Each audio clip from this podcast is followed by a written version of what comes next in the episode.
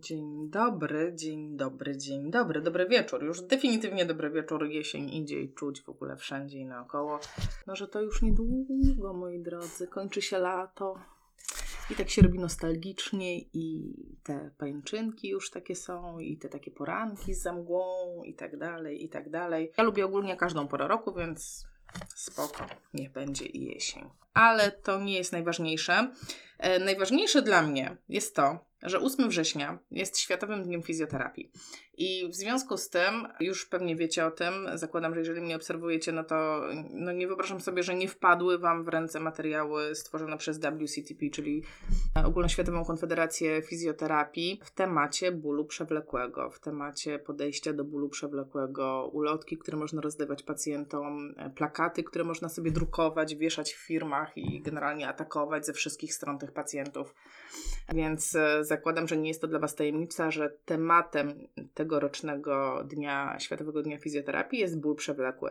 E, I dokładnie o takiej tematyce będzie przebiegał w moich przynajmniej mediach calutki wrzesień. I teraz co się wydarzy? Słuchajcie, mam dla Was po prostu parę takich pereł, że po prostu cudowne. Za tydzień jest 2 września, w poniedziałek, więc jest to pierwszy dzień szkoły. Prawdopodobnie będę go gdzieś świętować z synem. Nie sądzę, żeby o 21. Niemniej ten dzień zostaje dla syna. Ale nic to, ponieważ mam dla Was bardzo fajny materiał, godzinny wywiad, y, jaki wywiad, rozmowę, e, jaki przeprowadziłam z Gosią Starzec. Gosia na co dzień zajmuje się e, tematyką bólu, bólu przewlekłego i e, jako jedna, no mam takie, takie wrażenie, jedna z niewielu osób zajmuje się taką tematyką, jaką jest wulwodynia.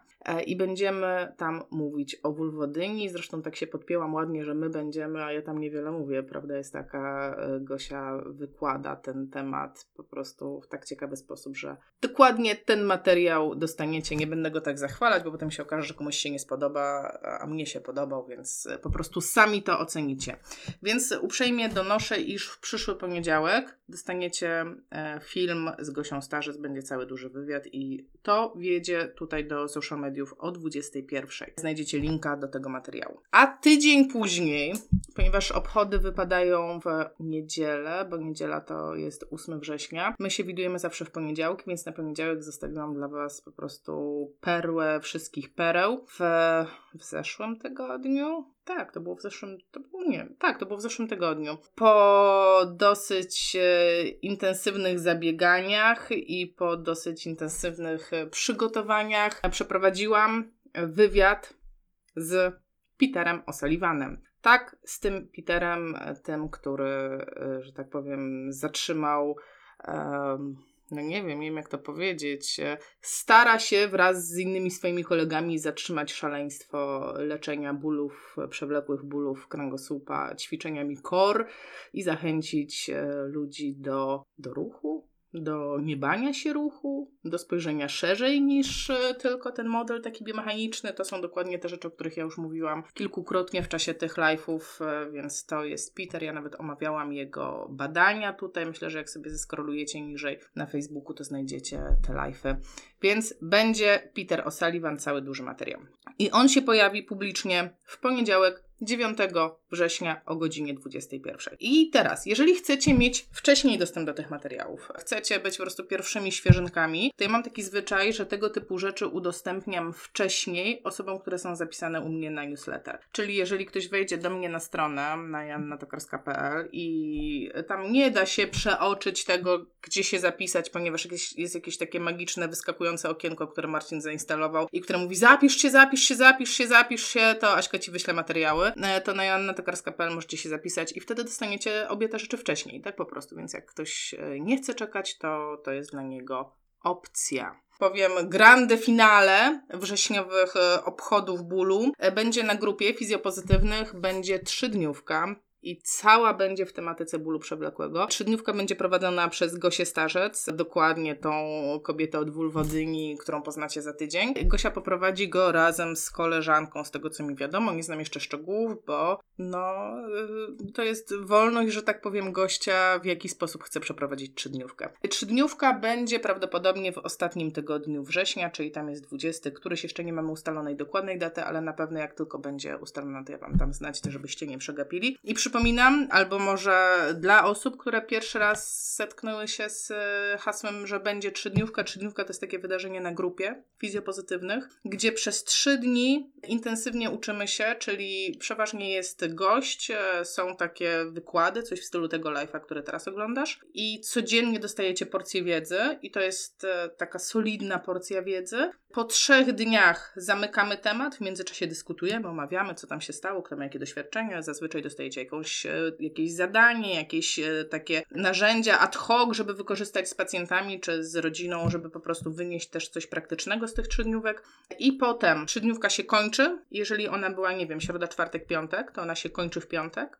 Wisi na grupie jeszcze sobota i niedziela ale w niedzielę o północy ja ją zdejmuję. I to jest koniec. Trzydniówka jest wydarzeniem elitarnym, jest wydarzeniem chwilowym y, i trzydniówki się nie powtarza. Niemniej, ponieważ dostawałam bardzo dużo próśb, bardzo dużo zapytań, no właśnie o te trzydniówki, że żałujecie, nie wiem, spóźniliście się, nie mogliście, byliście tam gdzieś, nie wiem, pod kołem podbiegunowym, nie wiem, to Prawdopodobnie, znaczy pracuję nad tym bardzo intensywnie, już mam większość materiałów przygotowanych. Te rzeczy, których nie ma w tej chwili w internecie, będą umieszczone na specjalnej platformie i będzie to platforma płatna. Czyli będzie można za pieniądze odtworzyć sobie, wrócić do jakichś materiałów, które Was interesowały, a przegapiliście ich z jakichś względów. Ból, ból, ból, ból, ból, ból, ból. Więc ja też chcę zaległe trzydniówki. Tak, wiem o tym, że wiele osób właśnie chce zaległe trzydniówki i dlatego właśnie będzie taki ruch. Poza tym ja bym też chciała, ponieważ goście poświęcają bardzo dużo energii, wysiłku, oddają Wam swoją wiedzę całkowicie za darmo to ja uważam, że to jest uczciwe, żeby oni mieli z tego jakieś gratyfikacje. Jak być lepszym fizjoterapeutą pomimo trudności? Dzisiejszy live, on jest troszeczkę zainspirowany tym, że czytam internety, czytam, czytam, ja się interesuję tym i że czytam, że mnóstwo osób uważa, że jest beznadziejnie, że generalnie w Polsce to nic się nie da, że szefa mamy do kitu, kasa się nie zgadza, w ogóle nie wiem, no szkole się wydaje na to pieniądze, nic się nie zmienia i że generalnie... To, to, to nasze życie takie jest takie, takie beznadziejne, takie. Pff. Zmień zawód. Zobaczcie, jak często w internecie pojawia się hasło zmień zawód, jak jesteś fizjoterapeutą, albo e, studentom się mówi, też mówiłam już o tym na studiach, kiedy przychodzą na praktykę, po co wy tu w ogóle studiujecie to, zmieńcie to póki możecie. Więc e, mam świadomość, że to, co będę do Was teraz mówić, to nie jest e, coś, to nie jest dla wszystkich. Ten live absolutnie nie jest dla wszystkich. Ironia jest taka, że ci, którzy najbardziej go potrzebują, prawdopodobnie nigdy tu nie zajrzą. No ale to już tak jest. Za to ci, którzy są, to daj Boże, urosną do góry. Będę chciała Wam opowiedzieć o tym, w jaki sposób ja inspiruję się do pracy, w jaki sposób ja podchodzę do rehabilitacji ogólnie i co sprawia, że e, nie dość, że mi się chce, ale to chce mi się szukać tych rozwiązań pomimo trudności, jakie istnieją. I to, od czego chciałam zacząć, to jest to, od czego ja sama zaczęłam, czyli od mojego pierwszego zetknię zetknięcia z rehabilitacją w ogóle w życiu. I to zetknięcie to było, no wiadomo, na studiach, to był pierwszy rok. I trochę Was oszukuję, bo pierwszy wykład, jaki w ogóle pamiętam ze studiów, to jest wykład z HKF-u, czyli z historii kultury fizycznej i tam były jakieś takie y, dziwaczne rzeczy, nie wiem, o tym, że Ibis, taki ptak, że on sobie sam robi y, lewatywę i w ogóle, że był ktoś taki jak Samuel Prysznic i pierwszy raz wynalazł wodoletnicznictwo, a w Egipcie to się naciera, nacierali olejkami. Także w ogóle co, coś totalnie odpyte jak dla mnie. Ale taki pierwszy prawdziwy wykład jaki widziałam z rehabilitacji, z prawdziwej takiej rehabilitacji. To był wykład prowadzony przez profesora Zajfreda. Generalnie mentora, no takiego idola, przynajmniej warszawskiego AWF-u, bo ja wiem, że on nie jest znany na innych uczelniach. Jeżeli znacie Zajfreda, to dajcie mi znać, czy, czy, czy to jest w ogóle postać, która wam cokolwiek mówi. Jak sobie otworzycie taką książkę, Rehabilitacja medyczna Dega i Milanowska, to Zajfred ma tam swój rozdział. E, generalnie w Warszawie to jest taka persona, taka naprawdę wow. I w czasie pierwszego wykładu Zajfred zaczął nam opowiadać o rehabilitacji i najpierw mówił takie rzeczy typu Wiecie, no musicie rozumieć to, że to, co dla, jednego oso- dla jednej osoby zupełnie jest bez znaczenia, dla drugiej osoby może być e, takim załamaniem całego życia. I jak dziś pamiętam przykład, jaki dał, on mówił: Wyobraźcie sobie, że ktoś sobie złamał paliczek dalszy małego palca. Więc jeżeli e, ja jestem urzędniczką biurową i sobie złamię paliczek dalszy małego palca w, w ręce lewej, to mój wpływ tego wydarzenia na moje życie będzie prawdopodobnie zerowy, oprócz tego, że przez chwilę, nie wiem, ponoszę plaster czy coś takiego. Ale pomyślcie sobie, że dokładnie to samo dzieje się światowej klasy pianiście, który nagle przestaje być światowej klasy pianistą, no bo złamał paliczek dalszy. Jego palec już nie gra, nie ma takich możliwości, jakie miał wcześniej. I to był taki wiesz, kiedy myślałam, wow, jaki ten facet jest mądry. On naprawdę był mądry. I równocześnie, i nie wiem, czy to był ten sam wykład, ale mnie to po prostu zlewa mi się w jedno, było o rozwiązywaniu właśnie problemów przez fizjoterapeutów. I o ile mnie pamięć nie myli, ja próbowałam dzisiaj dotrzeć do tej informacji, ale nie udało mi się potwierdzić tego na 100%, ale z tego co ja pamiętam, profesor Zajfred przez jakiś czas pracował w Afryce. Wydaje mi się, że to była Ruanda. Tam były generalnie wojny, no tam no, nie było ciekawie, powiedzmy tak, było dużo osób do rehabilitacji. I on nam pokazywał w czasie tego wykładu, wózek, taki super, hiper, druper wózek elektryczny, inwalidzki, przysłany przez Amerykanów jako pomoc tym, tym, tym Ruandczykom. I on mówi, no świetnie, no super, że przysłali wózek, super, że przysłali, że wydali pieniądze, żeby to, żeby to wszystko zrobić, ale oni żyją tam, no, w takim terenie tak? Oni tam żyją y, w chatynkach, bez dróg i bez wody. Więc y, o czym my mówimy?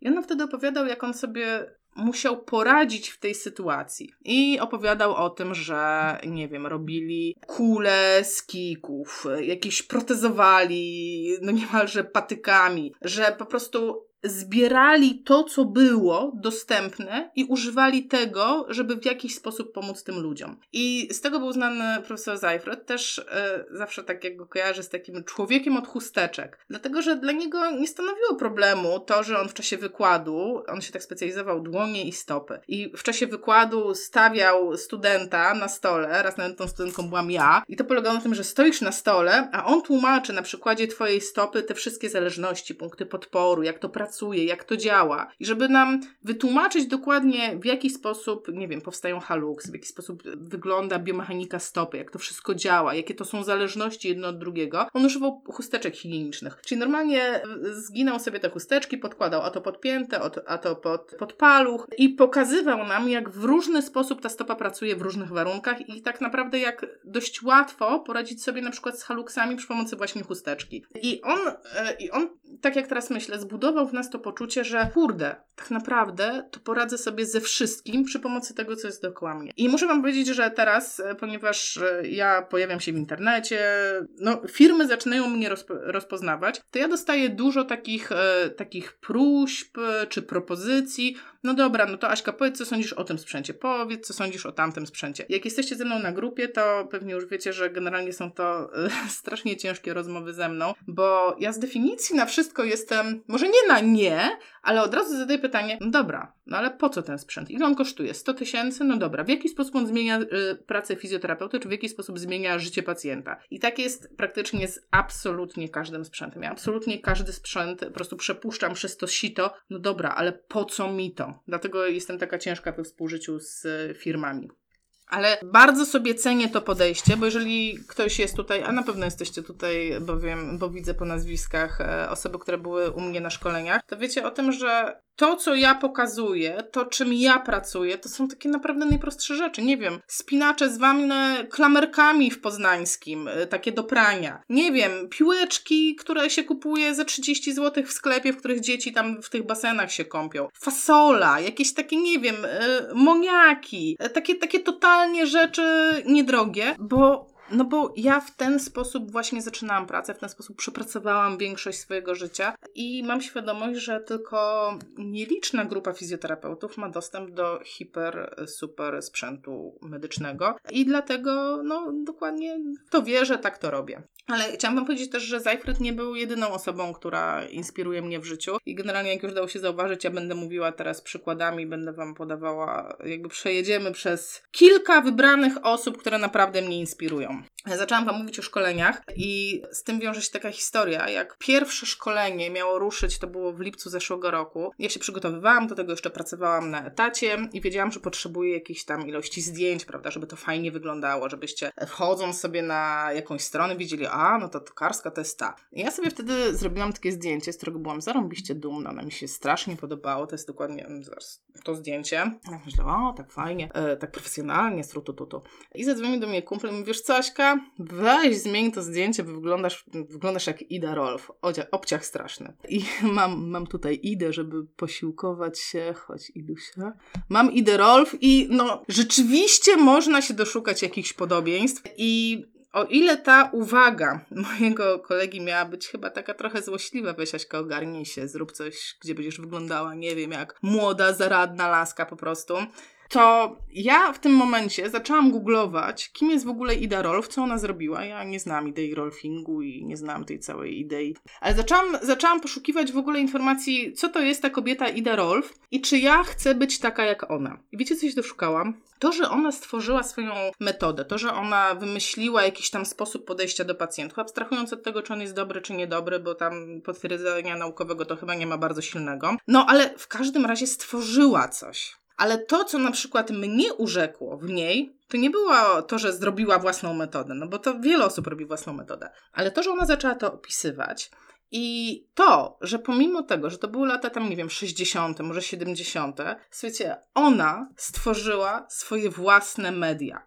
kurczę 50 lat temu. Jak wpiszecie sobie w internet Ida Rolf, to wyskoczą wam filmy, które są na YouTubie, na których ona siedzi przed kamerą i opowiada o tym, co tworzy. I tak sobie myślałam, a już byłam na tym etapie, że robiłam live, że spotykałam się z wami, już wiedziałam, że to mnie kręci i że to będzie fajne. I pomyślałam sobie, że tak, chcę wyglądać zdecydowanie jak Ida Rolf, bo Ida Rolf w coś wierzyła, coś stworzyła, poświęciła temu życie, zmieniła swoje życie, bo ona miała zupełnie inny zawód wcześniej, zanim zaczęła się zajmować ciałem pacjentów. I w dodatku stworzyła swoje własne media w odpowiedzi na to, że no, przypuszczam, że do publicznych nie szło się dostać. I teraz y, jakby waga tego doświadczenia jest niesamowita, bo my w tej chwili mamy, prawda, mamy komórkę, siadasz przed komórką, robisz live i ty właśnie stworzyłeś własne media, a ona musiała zorganizować ekipę filmową, Y, jakiś scenariusz, to były jakieś w ogóle kosmiczne koszty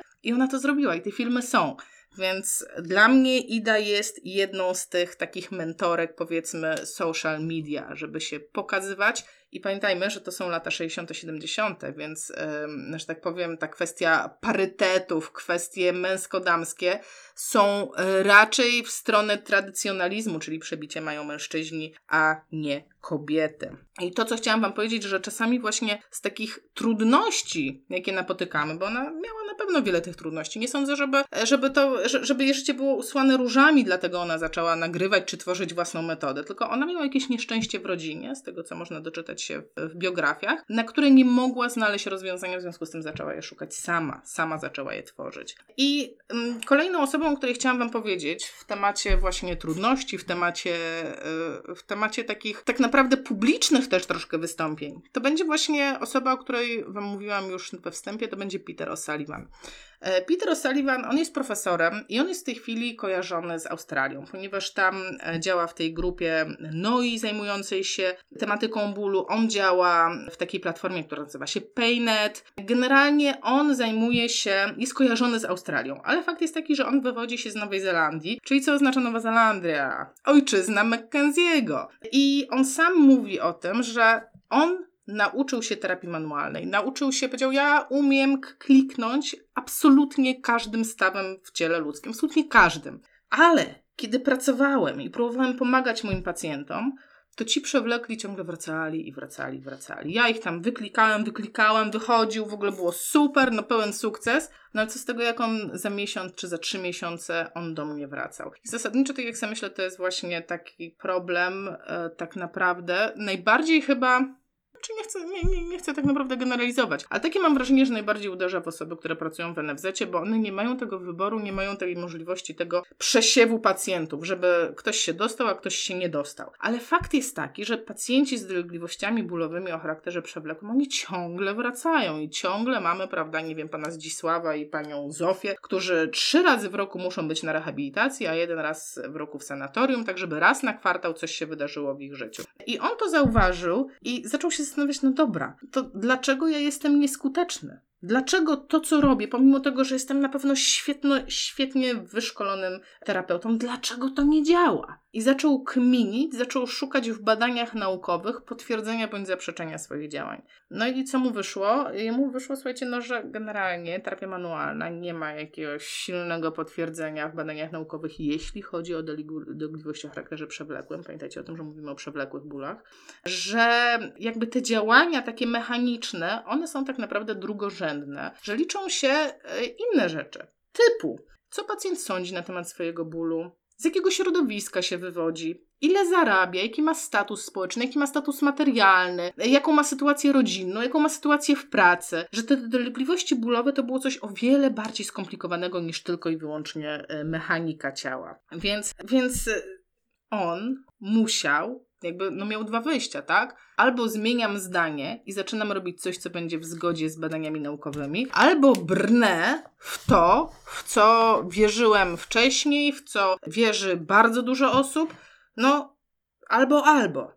I jak sobie wpiszecie na PubMedzie nazwisko. O'Sullivan, Peter O'Sullivan, bo O'Sullivanów jest tam dużo, to znajdziecie jego wczesne prace i tam będzie core stability, próba udowadniania tego, że core stability działa, a mam nadzieję, że już o tym, że core stability dla przewlekłych pacjentów jest e, nieszczególne, no to już, że Was przekonałam ileś tam live'ów pod spodem, tutaj też jest taki cały materiał core stability hit czy kit. I Zobaczcie, jaka to jest sytuacja, bo nam się wydaje takie, o dobra, no zmienił zdanie, coś nowego wykryto ale to jest już naukowiec z jakimś dorobkiem. On już prowadzi wykłady, on już pisze do czasopism medycznych i nagle po prostu siedzi i w dużym telegraficznym skrócie, jak sobie wyobrażam, nagle siedzi i kmini i dociera do niego, że kuźwa, wszystko co robię to jest nie tak.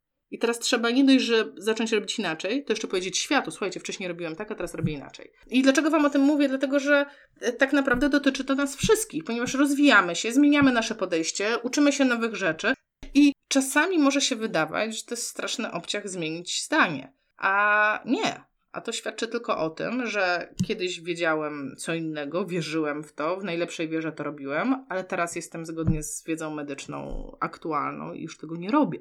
I ja też byłam w tej sytuacji. Mam wrażenie, że chyba każdy z nas był w tej sytuacji, ponieważ wyszliśmy ze szkoły z przekonaniem, że trzeba, nie wiem, dbać o posturę, że trzeba siedzieć prosto, że nie wiem, yy, cokolwiek. Kolana mają być pod kątem 90 stopni pod ławką, a to wszystko już na dzień dzisiejszy wiemy, że to jest po prostu nieaktualne, że to jest nieprawda. I muszę wam powiedzieć, że ja też miałam takie sytuacje, gdzie byłam z pacjentem, prowadziłam terapię przewlekłych dolegliwości bólowych e, dolnego odcinka pleców u pacjenta tam, nie wiem, 60 plus, ale po prostu facet żyleta, biegający, sprawny, wysportowany, aktywny, inteligentny, no i bóle pleców. Skąd u człowieka, który przebiega 20 km z plecakiem, bóle pleców? I kiedy zaczęłam z nim prowadzić terapię w inny sposób, w sposób oparty na mm, jakby odczulaniu tego, te, tego lęku przed ruszaniem się, nad mm, zejściem z core stability właśnie, które potrafi zadziałać wręcz w drugą stronę, nad ruchomością, nad bezpieczeństwem, nad poczuciem własnego ciała. Okazało się, że jego dolegliwości praktycznie odeszły raz na zawsze. I był taki moment, ja pamiętam ten dzień, był taki moment, ponieważ to był mój pacjent od bardzo, bardzo dawna. My się spotkaliśmy, nie wiem, 10 lat wcześniej, prowadziłam go jeszcze w Konstancinie, a potem spotkaliśmy się prywatnie już. I ja go przepraszałam, autentycznie, pamiętam ten dzień. Mówię, e, przepraszam pana, wtedy, kiedy panu. Bo zdałam sobie dlaczego go przepraszam, bo ja miałam tą świadomość, że on jest dlatego sztywny, i teraz go boli, ponieważ 10 lat temu ja powiedziałam, wie pan co, zgodnie z filozofią McKenzie'ego musi pan trzymać pozycję, podkładać poduszkę, lordoza jest super ważna i on to respektował i on to robił przez 10 lat, więc de facto ja mu to zrobiłam. Więc skoro ja mu to zrobiłam, no to czas pochylić głowę i powiedzieć: Przepraszam pana, na tamten moment ja głęboko wierzyłam w to, co robię, tak mnie nauczono, ale dzisiaj wiem, że stan wiedzy jest inny i dlatego dzisiaj pracuję inaczej. Nie spotykamy się już, bo po prostu nie ma już dolegliwości bólowych, więc nie ma o czym mówić. Więc więc to jest takie coś, do czego będę Was zachęcała, zwłaszcza właśnie w temacie bólu, bo ja wiem, że to jest trudny temat, dlatego ja tak o tym gadam i gadam i gadam, żeby się nie bać zmienić zdania. Mamy do tego pełne prawo. Zmienia się wiedza medyczna, zmieniamy zdanie. Hej, i tyle prostu do powiedzenia. I co się wiąże, co jest takiego w ogóle fantastycznego, jeśli chodzi o przewlekłe dolegliwości bólowe, że tu nie trzeba być mistrzem terapii manualnej, tu nie trzeba być mistrzem w jakichś technikach. Tu trzeba po prostu rozumieć, o co chodzi w bólu, że on się boi jakiegoś ruchu, tak? I no to co teraz, a, już to, jak on ma się poruszać, no to my to mamy. No, w pierwszym roku studiów my to mamy.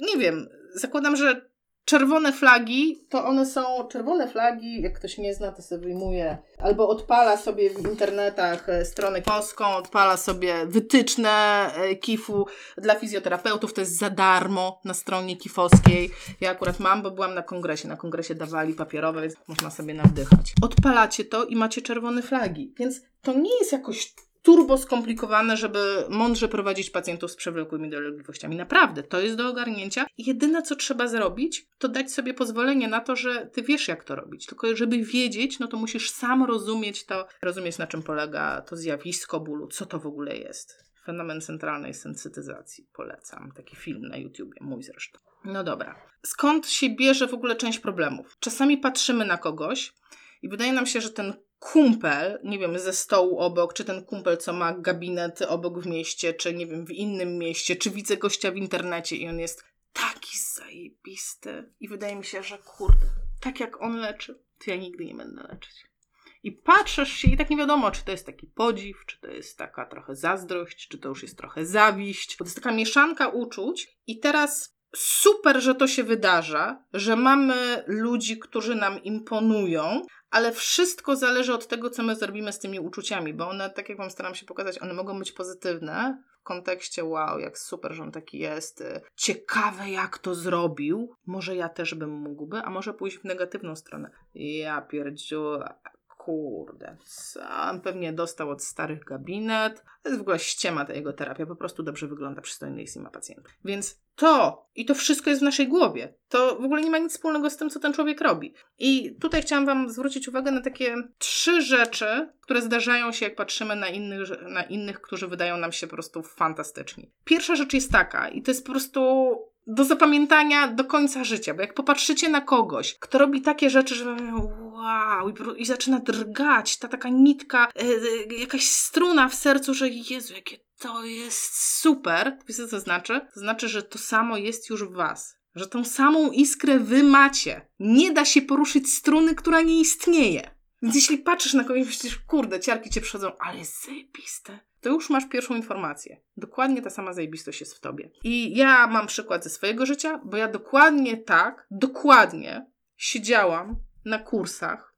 To były kursy, to były lata 90., 2000, 2000 lata. Wtedy zaczynałam swoją karierę jako fizjoterapeuta, PNF-y, nie PNF-y, Cyriax. Na to wszystko jeździłam do Krakowa i w Krakowie tłumaczyła Kasia.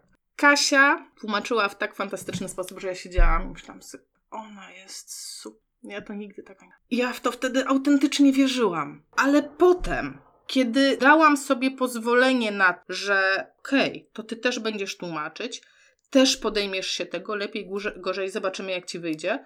Okazało się, że ja również jestem fantastycznym tłumaczem i również świetnie radzę sobie na kursach w tej roli. Zresztą y, do tej pory od czasu do czasu tłumaczę, w najbliższym czasie będę tłumaczyć y, kurs Beverly Cusick będę tłumaczyć, bo ja to po prostu lubię. I to jest dla mnie taki, taki realny dowód na to, że naprawdę ta struna jest w nas. Jeśli patrzycie na kogoś, imponuje was, to znaczy, że już to jest w was. I teraz pytanie, jak to pobudzić. Druga rzecz, jeżeli patrzę na kogoś i zaczynam, no, zaczynam decydować o tym, bo teraz to jest tak naprawdę decyzyjne, czy ja mu zazdroszczę i zaczynam psioczyć na niego, idę w negatywną stronę, czy ja patrzę na niego i zastanawiam się, co ja mogę zrobić, żeby być w tym miejscu, co on, to jest takie, to jest takie umiejscowienie siebie w przestrzeni. I te osoby takie super są dla nas wartościowe, dlatego że jak patrzysz na tą osobę, to wiesz, gdzie jest Twój cel.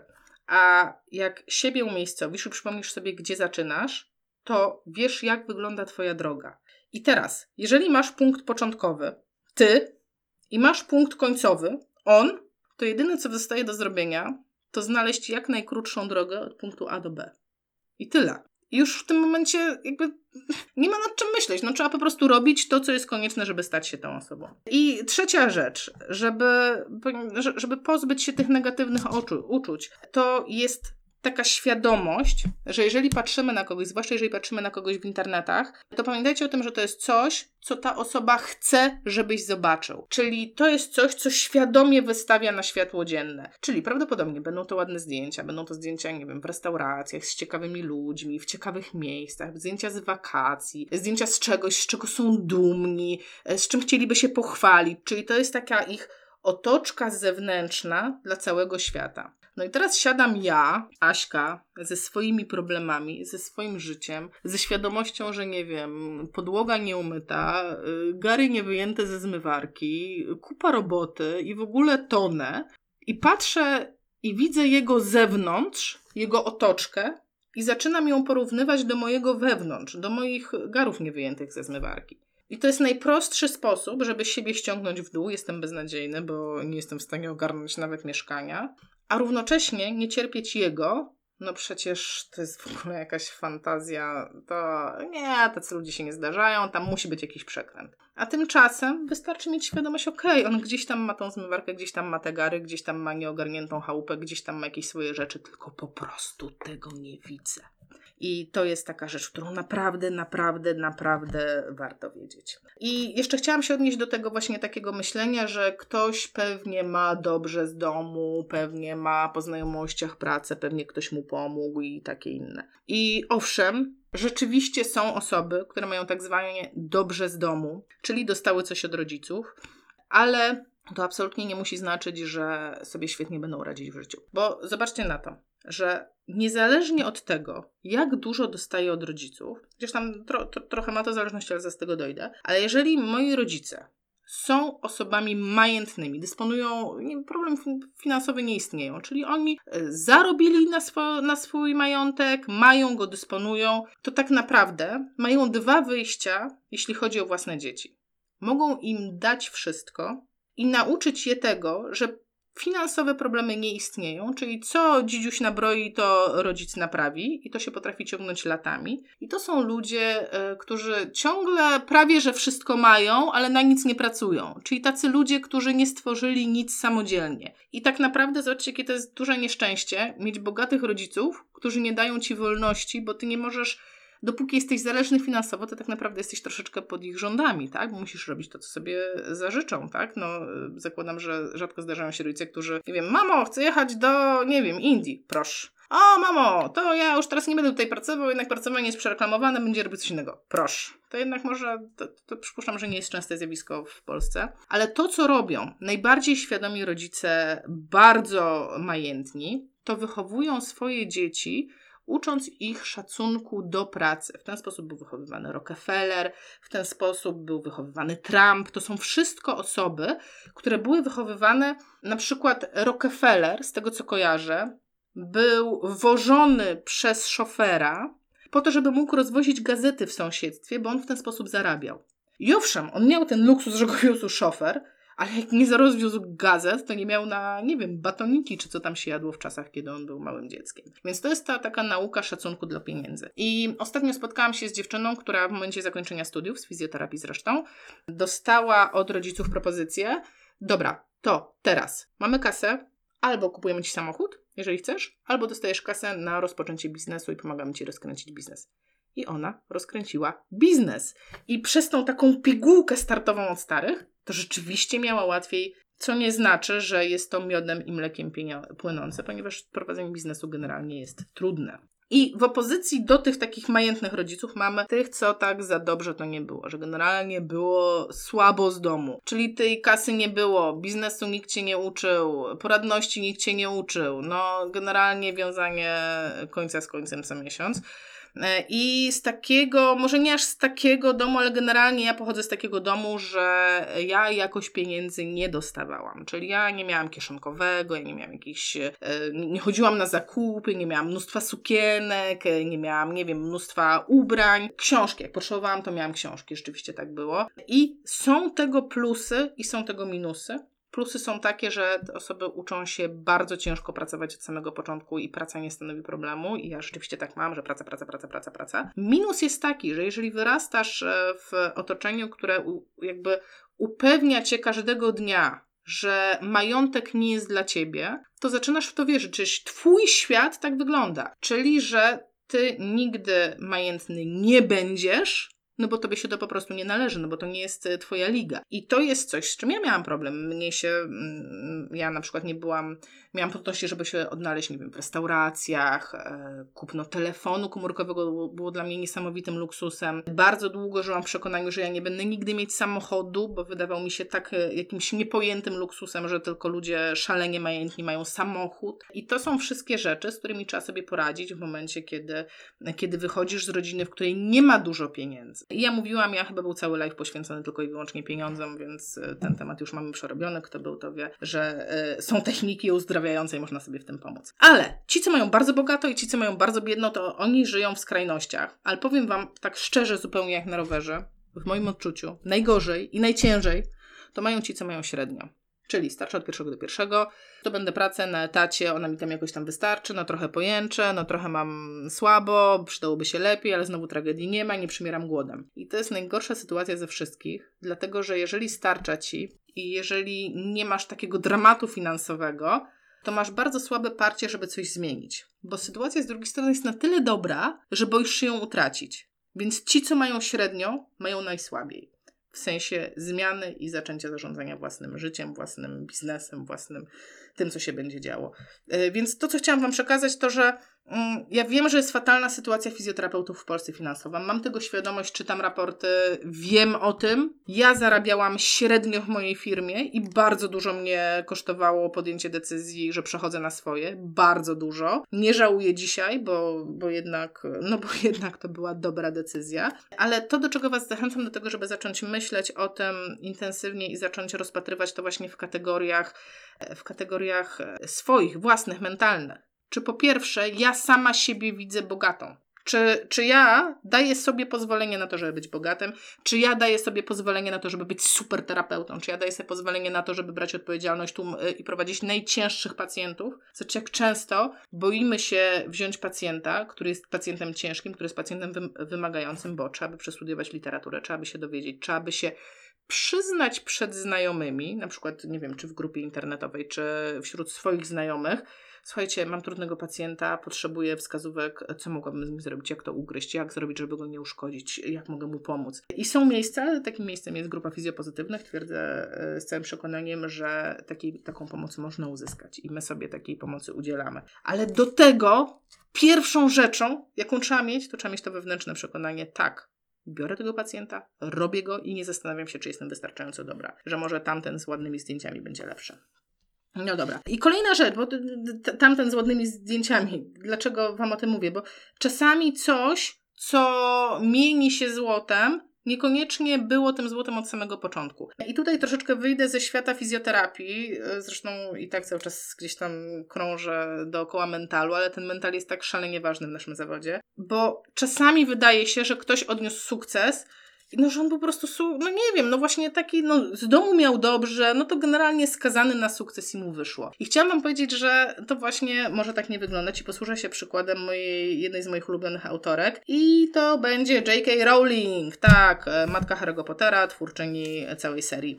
I słuchajcie, J.K. Rowling wydała Harry'ego Pottera, sprzedała tam, nie wiem, 500 milionów sztuk, generalnie chyba niesamowitą kasę zarobiła, ale to jest to, co my wszystko widzimy na zewnątrz, to jest ta, to jest ta zewnętrzna otoczka. A naprawdę naprawdę to wyglądało tak, że ona związała się z facetem. Wzięła z nim ślub i generalnie urodziło im się dziecko po roku i w ogóle high life miał być cudownie. Z tym, że po roku okazało się, że jednak, no, że jednak chyba nie wyszło bo została sama z tym dzieckiem rocznym, bez pracy. I nie wiedziała, co ma ze sobą zrobić. I to był taki jakiś moment, ona mówi, że gdzieś tam jechała pociągiem, coś. W każdym razie w jeden dzień wymyśliła Harry'ego Pottera. W jeden dzień wymyśliła po prostu tą pierwszą część, pierwszą książkę Harry'ego Pottera. I zaczęła to pisać, słuchajcie. I jak ona to pisała? Yy, nie miała jakiegoś biura, więc miała jakiś stolik taki, można znaleźć w internecie wywiad z nią, ona pokazuje, jak ona to robiła. Miała jakiś stoliczek po prostu malutki, gdzie wieczorami klepała tę tą całą powieść. I jak już ją napisała, kto czytał Harry'ego Pottera, no to albo się zachwycacie, albo nie, prawda, no ja się na przykład zachwycam, więc dla mnie to wow, ale to jest super, no pewnie ten, kto to wydał, to zbił na, to, na tym, przypuszczam, większe pieniądze niż e, sama J.K. Rowling. Tak mi, tak mi się wydaje, bo wydawca zazwyczaj ma większe zyski niż autor. Ale słuchajcie,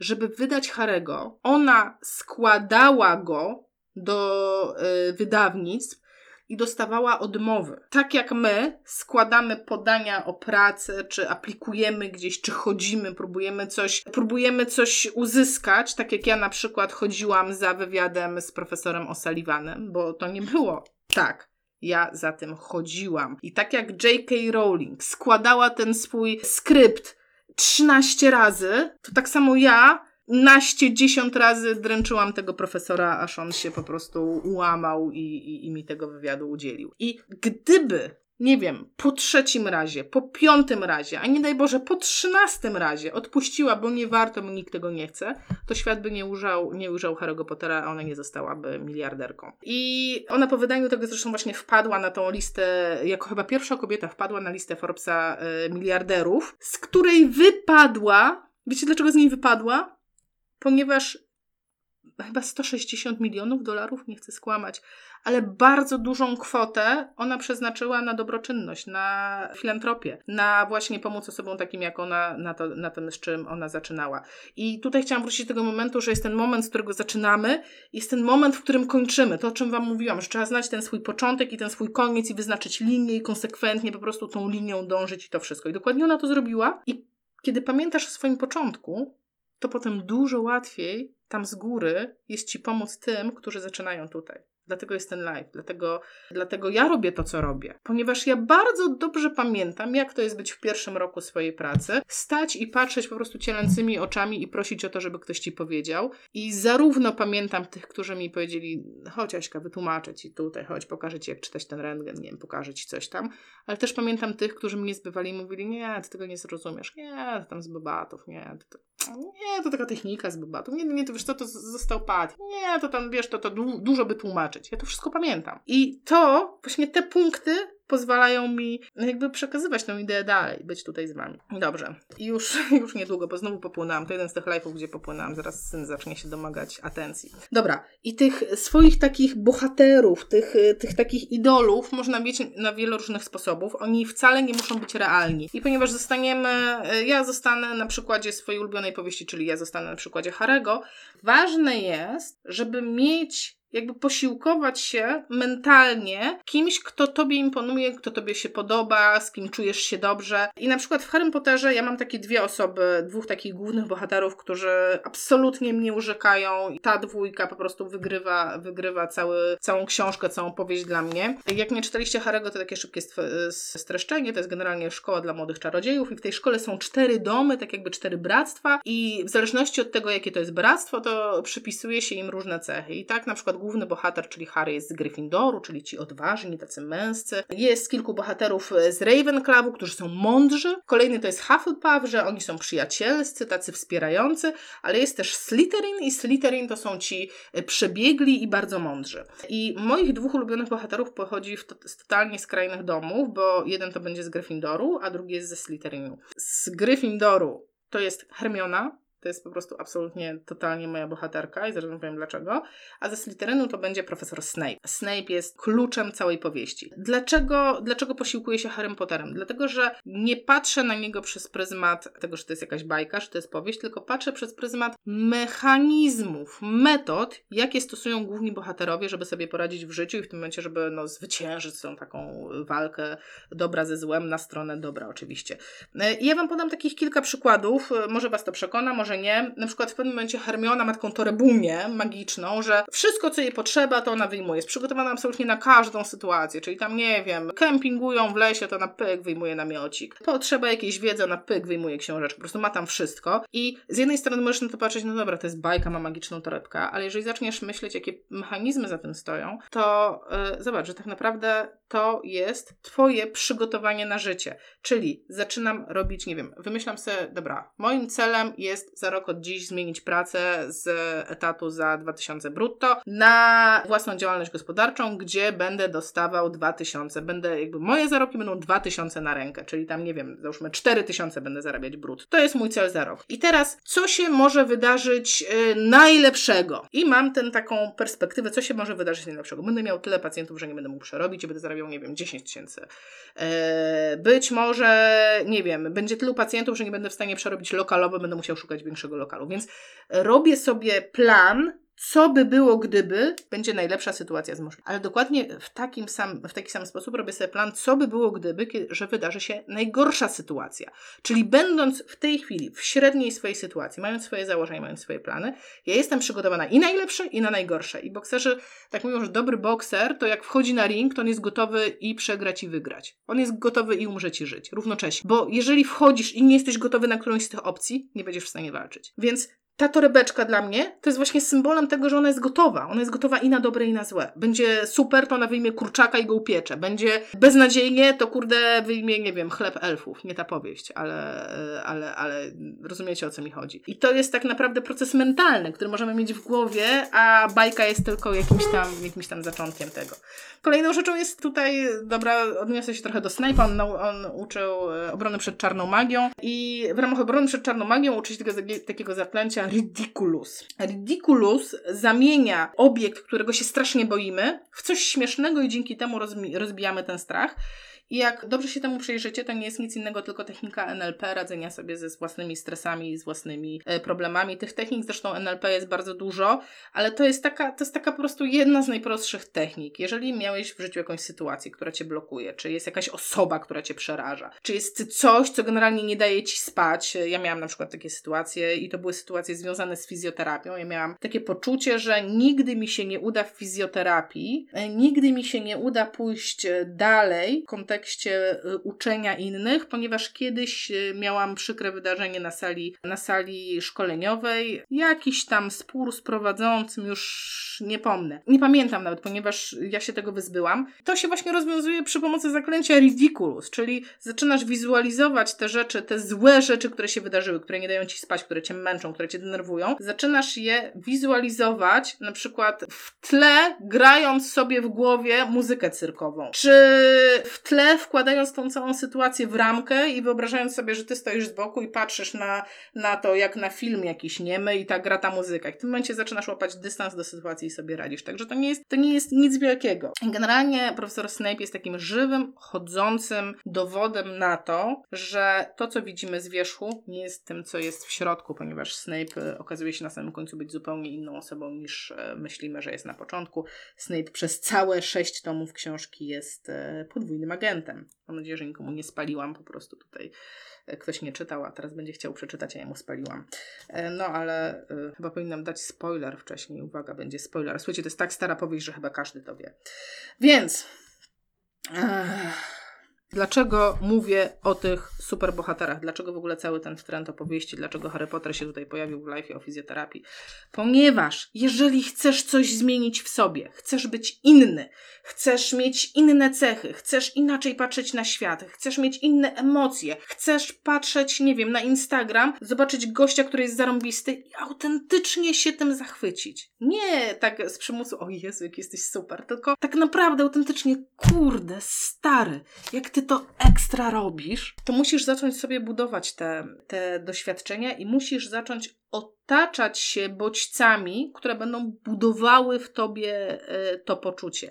I właśnie do otaczania się takimi bodźcami będzie należało czytanie rzeczy, które są dla ciebie korzystne, oglądanie filmów, które są dla ciebie korzystne. Czyli na przykład, jeżeli jesteś, e, nie wiem, świeżo upieczoną mamą, bo wiem, że dużo e, takich dziewczyn mnie ogląda, wiem, bo piszecie i ja wiem, jak ciężko jest wrócić po urlopie macierzyńskim do pracy. Ja naprawdę to wszystko wiem, bo byłam w tej sytuacji. Jeżeli czujesz, że pewność siebie, twoja pewność się po prostu psz, dryfuje, jest gdzieś tam zakopana pomiędzy kaszkami i pieluchami, no to wchodzisz w internet i zaczynasz kombinować wszystkie filmy, jakie potrafisz znaleźć, na, w których bohaterkami są silne kobiety. Kurde, nie wiem. Tomb Raider, Królowa Elżbieta, nie wiem, Joanna Dark. No, jedziesz po prostu, otaczasz się tym, zaczynasz e, czytać książki, nie wiem, biografię Michelle Obamy, e, biografię Oprah Winfrey. To są wszystko osoby, które przez to przechodziły i napisały na ten temat książkę, albo ktoś nakręcił na ten temat film. I zresztą jest taka bardzo fajna, znana mowa motywacyjna Willa Smitha, który mówi, że tak generalnie życie jest proste, sprowadza się do tego, że masz czytać i biegać. Bo jak biegasz, to hartujesz ducha i ciało, a jak czytasz, to prawdopodobnie znajdziesz rozwiązanie na wszystkie problemy tego świata, bo prawdopodobnie nie masz żadnego problemu takiego, którego wcześniej nigdy już nie miał. Więc prawdopodobnie ktoś już miał go wcześniej, opisał i rozwiązał, więc wystarczy po prostu znaleźć to rozwiązanie. E, kolejną rzeczą, do której będę Was zachęcać, to e, w ramach takiego wzmacniania siebie, to otaczanie się bądź przebywanie, świadome wybieranie miejsc, które będą Was wzmacniały. E, no ja mam farta, żyję akurat pod Czerskiem, więc mamy zamek, w którym tam królowa Bona krążyła po komnatach i zarządzała wszystkim, co się będzie działo. W Warszawie jest, nie wiem, jedziesz na, do Wilanowa i wyobrażasz sobie, co by w mojej sytuacji zrobił Sobieski. Nie wiem, idziesz pod pomnik, no nie wiem kogo, Zygmunta i zastanawiasz się, jakby ten problem rozwiązał Zygmunt. Ja bardzo często w głowie właśnie używam do tego Hermiony i Snape'a i zadaję sobie pytanie, co by zrobiła Hermiona? I w momencie, kiedy zaczynasz się tym otaczać, świadomie zaczynasz się tym bombardować, to zaczynasz się zmieniać. A w momencie, kiedy ty się zmieniasz, to i podejmujesz decyzję o tej zmianie, i to jest świadomy Twój krok, to świat zaczyna wykonywać krok w e, kierunku Twoim, i nagle uchylają się drzwi i nadarzają się okazje, które nigdy wcześniej by się nie wydarzyły. I już naprawdę kończę, bo to chciałam Wam powiedzieć, że to nie jest tak, że ja sobie to, mm, to sobie wymyślam i tak sobie gadam i gadam, gadam, e, tylko to po prostu działa. I chciałam powiedzieć, że mam taki chodzący przykład e, osoby, którą poznałam ponad rok temu, na szkoleniu zresztą, która weszła w to i zaczęła robić to wszystko, o czym ja mówię. Jesteśmy w kontakcie zresztą i podejrzewam, że jest tutaj na tym live'ie. Nawet nie podejrzewam, ale wiem. I to jest osoba, która jak się poznałyśmy, to mówiła tak. No ja nie mam jeszcze żadnych kursów. Zrobiłam tam, nie wiem, chyba bioodnowę. Pracuję w DPS-ie, ale tylko na krótko, bo jestem na zastępstwo za koleżankę, która jest w ciąży. Więc generalnie nie mam perspektyw przed sobą. Ech. No i tyle. No jakby ja nie mam rozwiązania na wszystkie problemy tego świata, ale jedyne co mogę powiedzieć, e, idź z punktu A do B, tak, to wszystko co mam tam bla bla bla bla, bla nagadałam, to wszystko co uważam, co się pojawia też u mnie na kursach i ona po prostu zaczęła to robić. Nie zważała na to, że to jest DPS, że to jest umowa na zastępstwo, że to jest w ogóle, że świat jest bez znaczenia, po prostu zaczęła robić. I ponieważ zostajemy w kontakcie, ja tylko dostawałam co chwilę informacje, że dostaję na nas, słuchaj, zobacz tutaj, filmik z pacjentami, tu robimy to, tu to, tu to, tu to. I widać było, jak rozkwita robiąc różne fajne rzeczy, a po czym zaczęłam dostawać informacje, okej, okay, dostałam tu propozycję pracy, dostałam tam propozycję pracy, tu mi ktoś proponuje. Um, no, namnażają się te rzeczy. Tak, zrobiłaś krok do świata, to świat zaczyna robić krok do ciebie. To jest takie totalnie, takie prawdziwe. Y, I już Wam kiedyś mówiłam o takich dwóch strategiach. Jest strategia orła i strategia wróbla. I musicie wybrać, kim jesteście. Wróbel to jest taki, co musi, cały czas musi wachlować, żeby się utrzymać w powietrzu. Więc no generalnie on sobie jednostajnie, ale przez całe życie wachluje. Ale jest też strategia orła, no I orzeł robi tak, że on po prostu tam na początku napierdziela skrzydłami, musi wy wystartować w powietrze i unieść się, ale potem to już szybuje. Jak on szybuje, to on tylko leci i wypatruje okazji. Jak się nadarzy okazja, to dziab, dziab, dziab. Orzeł nie wydatkuje energii. I trzeba zdecydować, kim chcesz być. I kiedy ona podjęła tą decyzję, że zostaje orłem, ewidentnie widać, że już swoje zrobiła, że już płynie, to teraz nadarzają się okazje. Ja sobie zapisałam, że są plusy i są minusy tych e, okazji, bo e, plusy są takie, że są okazje, a minusy są takie, że są okazje. Teraz, kiedy masz dużo okazji do zarobku, może się wydarzyć taka rzecz, że jej będzie tak dużo, że będziesz miał problem z selekcją. Czyli zaczniesz łapać wszystkie rzeczy, rozmieniać się na drobne i skupi i zgubisz swoją drogę od punktu A do punktu B. Dlatego to jest tak zarąbiście ważne, dlatego o tym Wam powiedziałam na samym początku, bo musisz wiedzieć, dokąd idziesz, bo przyjdzie taki moment, że będziesz tak intensywnie rozwinięty, że będą Cię odciągali na boki, bo będziesz za dobry, żeby tak sobie pozostawiać po prostu w przestrzeni. I wtedy, jak masz dalej ufiksowany, ty wiesz dokąd idziesz, to wiesz, co odrzucasz, co odrzucasz, co odrzucasz. Zresztą o tym mówiłam e, ostatnim razem chyba, o tym, czy przedostatnim, już nie pamiętam, jak eliminować bodźce ze swojego otoczenia, żeby stać się lepszym terapeutą. Bo tak naprawdę to wszystko, nie wszystko, większość to jest sztuka eliminacji. Ale żeby wiedzieć, co eliminować, to musisz wiedzieć, dokąd idziesz. O, czekajcie, mam tutaj po prostu na, na zawsze sobie, e, na zawsze sobie ten cytat tutaj zostawiłam. Nigdy nie jesteś równie daleko od celu, jak wtedy, gdy nie wiesz, dokąd zmierzasz. Jest po prostu takie piękne i takie proste. No, i z tym Was zostawię. Tak, to jeden z tych live'ów. Obiecałam synowi, że nie będę już tak długo gadać, a jednak tak wyszło. No dobrze, kochani, puszczam Was, puszczam się i tak to zostawię. Trzymajcie się. Buziaki.